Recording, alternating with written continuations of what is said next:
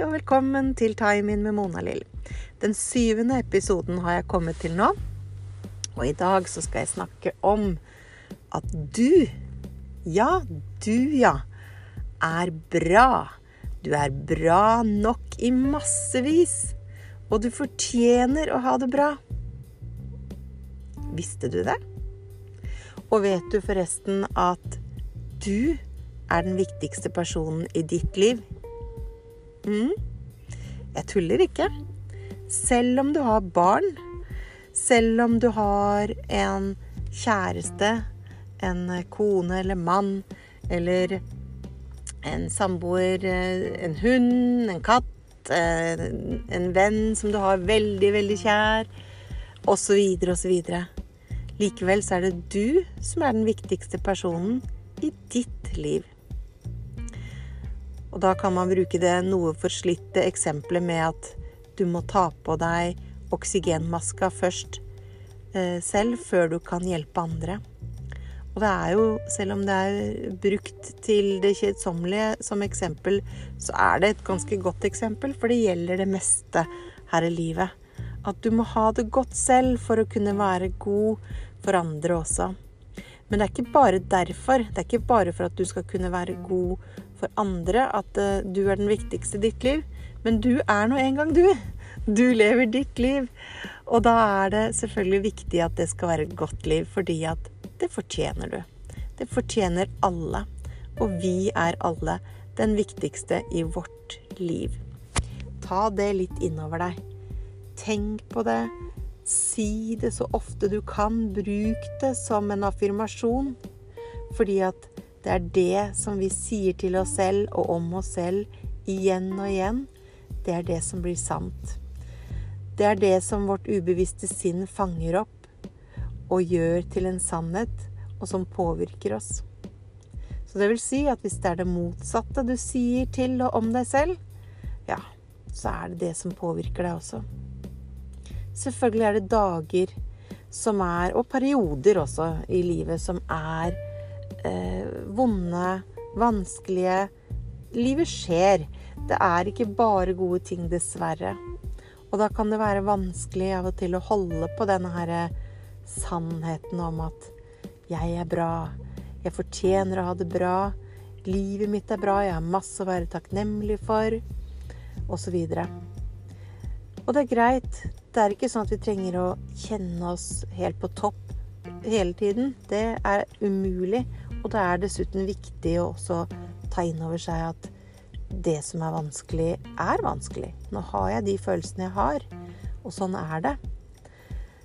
Men kunsten er å ikke bli værende i det, og ikke grave seg lenger ned og gi det vanskelige og vonde mer næring enn nødvendig. Det er den balansen som er viktig. Å våge å være i det, men så å komme seg videre. Ja, det er sånne ting jeg har lyst til å snakke om i dag. Og jeg tenker at det gjelder oss alle. For det å være et menneske, det å leve, innebærer å være sårbar. Det nytter ikke å leve et liv uten å risikere å falle iblant. I så fall så lever man et veldig, veldig ja, hva skal jeg si stillesittende liv. Et, et liv hvor vi ikke våger å gjøre nesten noe som helst i frykt for å bli avvist, ikke bli likt, um, ja, osv. Altså at vi ikke skal lykkes med ting. Og, og, det er klart at det er en risiko i nesten alt vi gjør, fordi at det, det kan gå galt. Det kan gå eh, dårligere enn det vi håper på. Og så spørs det hvor strenge krav vi stiller til oss selv, da. Og de rundt oss, hvor strenge krav de rundt oss eh, stiller til oss.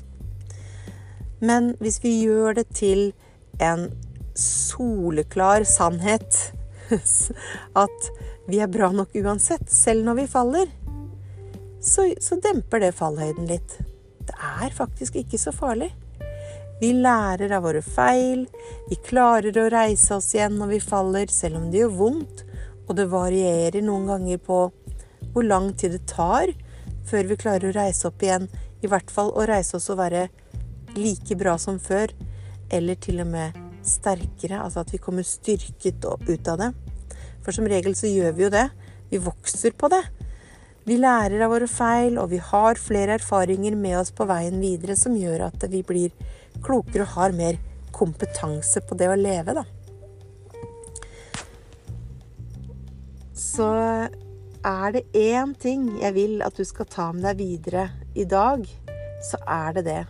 Velg den sannheten at du er den viktigste personen i ditt liv. Og at du fortjener å ha det bra.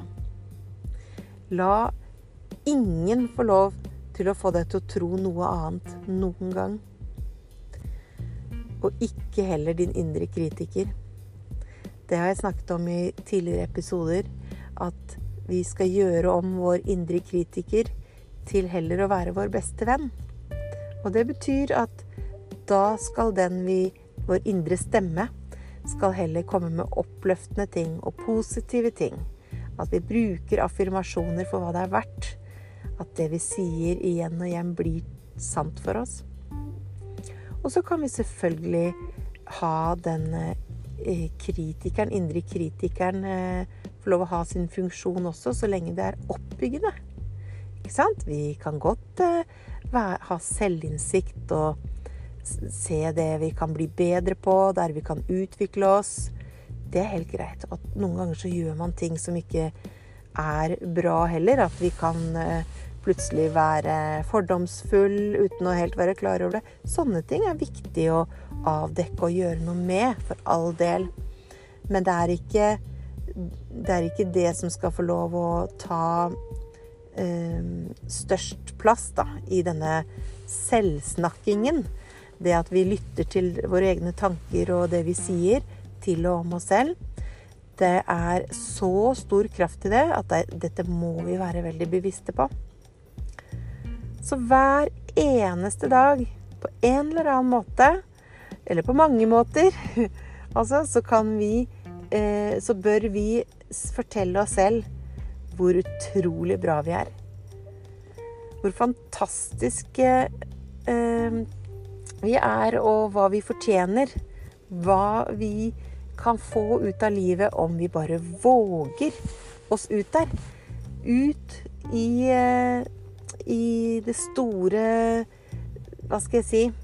Ikke det store intet, men det store, det store livet som gjør at vi eh, kan eh, prøve oss fram og gjøre benytte oss av de mulighetene som ligger der, hvis vi bare åpner opp øynene og ser det, og hvis vi våger å prøve. Våger at det innebærer å være sårbar, og at vi kan falle. Men det gjør ingenting. Feil er bare erfaringer som vi lærer av og utvikler oss på. Og vi kan bare bli bedre. Det at vi er, eh, av og til kan gå et skritt tilbake og være dårligere mennesker enn det vi ønsker å være.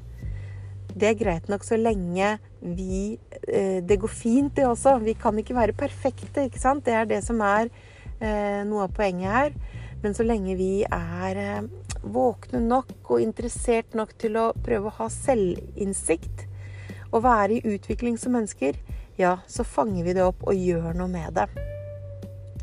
Det er ikke livets undergang om du har gjort noe du ikke er stolt av. Det går an. Det kommer nye dager, og det går an å uh, be om unnskyldning om ting. Det går an å uh, utvikle seg og få mer kunnskap. Uh, øve seg på å være rausere, f.eks. Og stadig bli en bedre utgave av seg selv. Men ingen krever at du skal være en perfekt utgave av deg selv absolutt hele tiden. Og hvis noen, som f.eks. en indre kritiker, mener det, ja, så skal du velge å ikke lytte til den.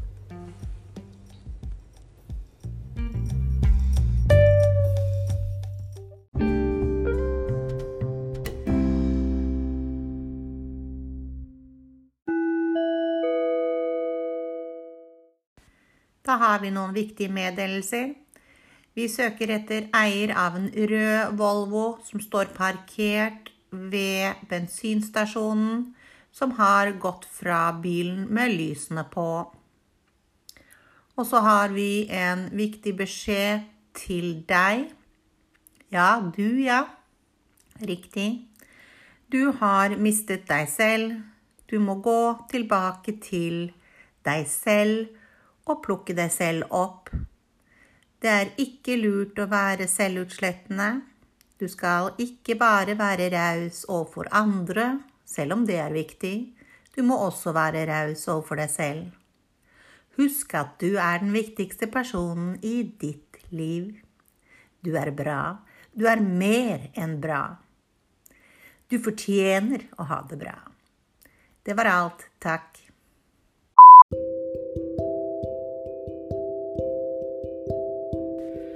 Har du opplevd å miste deg selv noen gang? Går det egentlig an å miste seg selv? Jeg tror det. Jeg tror at vi kan ha veldig lett for å gjøre nettopp det. At vi er så opptatt av å være, være der for andre. Av å fylle alle de rollene som det forventes at vi skal fylle, på en måte som eh, det forventes at vi skal gjøre det om, At vi kan miste oss selv. Jeg har et eksempel eh, fra eget liv som jeg eh, husker veldig godt. For det at mitt største ønske på jord helt fra jeg var liten, det var å bli mamma. Og jeg er så heldig, for jeg er mamma til tre herlige gutter. Og det er og blir den største gaven på jord for meg.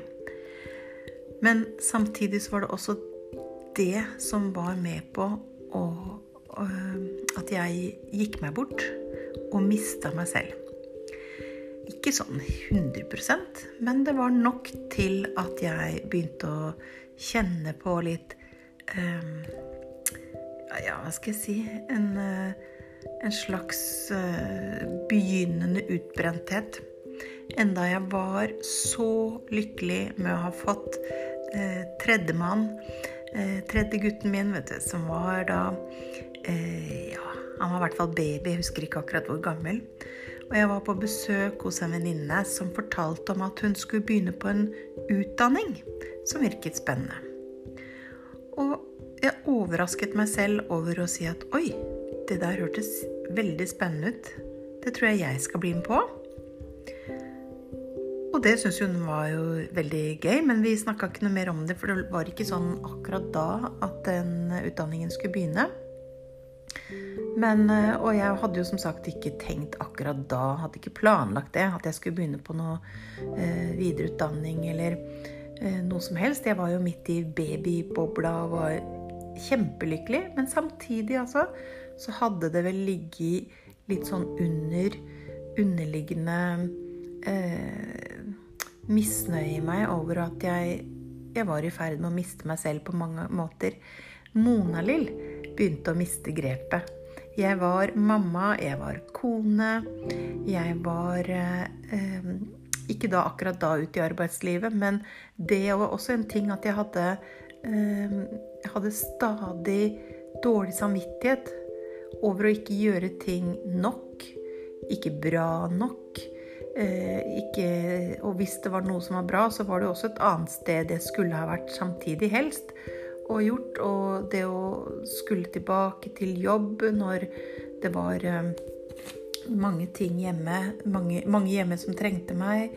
Altså det var Det var en sånn eh, rar periode, og jeg hadde virkelig mista meg selv. Og det oppdaget jeg da jeg begynte på denne utdanningen. Det var eh, utdanning som kommunikolog, så det var jo en type perfekt utdanning å ta akkurat der jeg var i livet da. Men det rare var at det var som om noe, noe inni meg bare visste dette. Og jo tok grep. Fordi at jeg kan eh, ofte ha en tendens til å bli sånn ubesluttsom at det er vanskelig å ta et valg. At jeg må tenke lenge og veie for og mot det ene og det andre. Men her trengte jeg ikke gjøre det, for det var som om noe inni meg bare tok beslutningen for meg. Og da når det var gått eh, han var vel eh, Om han hadde Ja, jeg tror han hadde kanskje fylt året da jeg begynte på Han yngstemann da jeg begynte på utdanningen. Og da fikk vi spørsmålet om eh, for det første hva vi gjorde der, og hva vi forventa av denne utdanningen. Hvorfor akkurat jeg var kommet der, fikk da alle spørsmål om. Og da jeg svarte på det, så eh, Du vet, alle har sikkert opplevd det å sitte og nesten glemme å lytte til hva de andre svarer, for man sitter bare og tenker på hva skal jeg svare på det. Og jeg kjente et snev av det, samtidig som jeg kjente at jeg, jeg, vet ikke Jeg kan, kan ikke si Da tenker alle at jeg er helt eh, kokkelig munke hvis jeg svarer at eh, Nei, det var egentlig ikke meg. Det var bare noe, en kraft inni meg som, som bestemte det for meg. Så her er jeg. Nei da. Jeg klarte å si det litt annerledes, i hvert fall. Jeg sa at jeg vet egentlig ikke eh, hva jeg skal forvente, og helt hvorfor jeg er her. Men jeg vet at det er helt riktig at jeg er her. Jeg har en forventning om at jeg kommer til å få noe som jeg virkelig trenger. Og det også har overraska meg eh, både der og da, men også etterpå, hvor sant det var. Kanskje veldig intetsigende svar for noen, men for meg så var det helt riktig. Og vi fikk også da spørsmål en av de første dagene på den første samlingen at eh, hvem er du? Og så skulle vi sitte, om det var to og to, eller i en litt mindre gruppe i hvert fall, og fortelle litt om oss selv. Og da øve oss på at vi, vi svarte på nettopp det. Ikke hvem er eh, hvis du har yrket mitt da, var barnehagelærer. Hvem er eh, mamma-rollen? Altså plukke bort alle rollene og bare prøve å snakke ut ifra hvem er jeg? Hva liker jeg å holde på med? Og jeg satt der og klarte ikke å svare. Jeg kunne kanskje klare å fiske opp igjen noen minner om hvem jeg var en gang. Jeg har hatt interesser som var sånn og sånn, og fortelle om det. Men meg selv her og nå, uten å forklare meg selv ut ifra definert som mamma, eller som yrket mitt, eller som eh, den rollen jeg hadde i forhold til andre mennesker. Eh, funksjon, rett og slett. Ja, det var vanskelig. Og det var en skikkelig vekker. Og jeg hadde så godt av å få de spørsmålene akkurat da. Og jeg klarte også å fortsette å ta utdanningen ut. Ikke bare grunnutdanning, men den videre utdanningen og på avansert nivå, for det var sånn tredelt. Fordi at jeg kjente at dette her trenger jeg. Eh, jeg vet ikke helt hvorfor eller til hva, men denne kompetansen her, den trenger jeg. Og det var helt riktig. Det gjorde jeg. Og jeg har øh, opplevd også da senere i livet å bli tryggere på å lytte når den øh, Hva skal jeg si det er ikke akkurat Jeg hører ikke en stemme, men jeg bare kjenner innimellom at det her må jeg gjøre. Og det er så deilig, for det er veldig slitsomt å være ubesluttsom og måtte bruke veldig lang tid på å ta en beslutning. Og da å kjenne og stole på intuisjonen sin kan man velge å kalle det. Magefølelsen, kaller noen det. Det er en deilig følelse.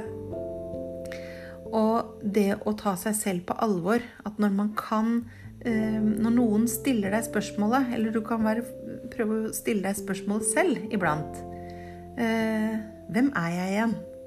Hvem er jeg nå? For da kan du også oppdage om du forsvinner litt for deg selv.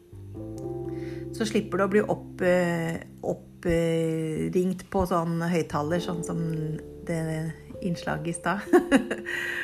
du har mistet deg selv. Du må plukke deg selv opp. Men det er altså så viktig at man tillater seg selv å, å være en person med egne interesser, ting man liker og ikke liker, meninger, holdninger, verdier. Minn deg selv på hvem du er gjennom hele livet. Ikke la én rolle eller noen roller definere hele deg. Du skal også bare være deg selv i kraft av deg selv. Og det jeg oppdaget, var at eh, jeg sto med dette her da mer og mer i bagasjen. Eh, denne kompetansen på hvor viktig det er. Så klarte jeg også å stå i de utfordringene som var bl.a. med å reise fra barna Det var ikke snakk om mange dagene, men jeg hadde gjort meg selv eh, veldig eh, Altså at, at, de var blitt veldig avhengig av meg, da. Og, og, det også er en greie at det kan føles godt. Inntil et visst punkt så kan det bli kvelende. Og det er ikke noe godt for de det gjelder heller, å være så avhengig av en person. Så det er i hvert fall blitt et sånn eksempel som jeg kan bruke i mange sammenhenger i dag, fordi at det var en sånn ordentlig aha-opplevelse. Jeg syns det har hørtes veldig sånn klisjéaktig ut å miste seg selv. Det går da vel ikke an? Du er jo i deg selv hele tiden, og du er jo ikke noen andre. Men eh, jo, man kan virkelig få opplevelsen av å bli litt borte i alle andre eh, krav og forventninger. Og det er ingen andre enn deg selv som kan gjøre noe med det. Så ta grep om du kjenner litt på dette her i en eller annen sammenheng. Og øh, finn deg selv igjen. Og husk, husk på at du er den viktigste i ditt liv.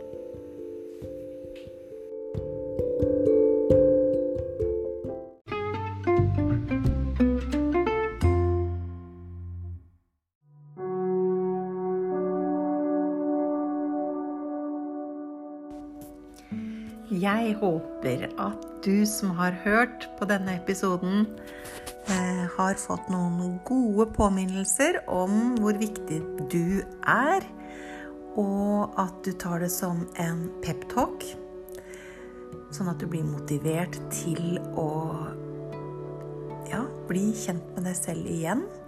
Om du har mista deg selv litt på veien. Og hvis du ikke har det, så er det kjempebra. Da må du fortsette med det. Vær opptatt av at du har ting i livet som du gleder deg over, bare i kraft av eh, deg selv. At det, at det, er ting du gjør som du elsker å holde på med, og som ikke ha, nødvendigvis har noe annen verdi enn nettopp det. Det er eh, viktig med påfyll i hverdagen. Og er det noe som du gjør eh, ofte, som du virkelig misliker, mm, da må du gjøre noe med det. Endre på det. For det at du har dette livet, og det skal du ta vare på. Og du er rollemodell for dine egne barn, om du har barn. Eh, sånn at det er veldig leit om de ser at livet skal handle om å holde ut. Livet skal være mer enn det. Selvfølgelig så er det også ting som er eh, at, eh, Som ikke er det vi elsker å gjøre, men vi må gjennom det. Sånn har vi jo hele tiden, alle sammen. Men det skal ikke være hverdagen. Og det skal være sånn at når noen spør deg hva liker du å holde på med, hva, dine, hva mener du om det? Hva er eh, verdiene dine? Ja, så skal du vite at jo, nå skal du høre. Jeg Og så kommer eh, svarene fordi du er eh, Hva skal jeg si jorda i deg selv. Jeg ønsker deg alt godt. Tusen takk for at du hørte på Time In med Mona Lill. Og kanskje vi høres neste gang. Ha det bra.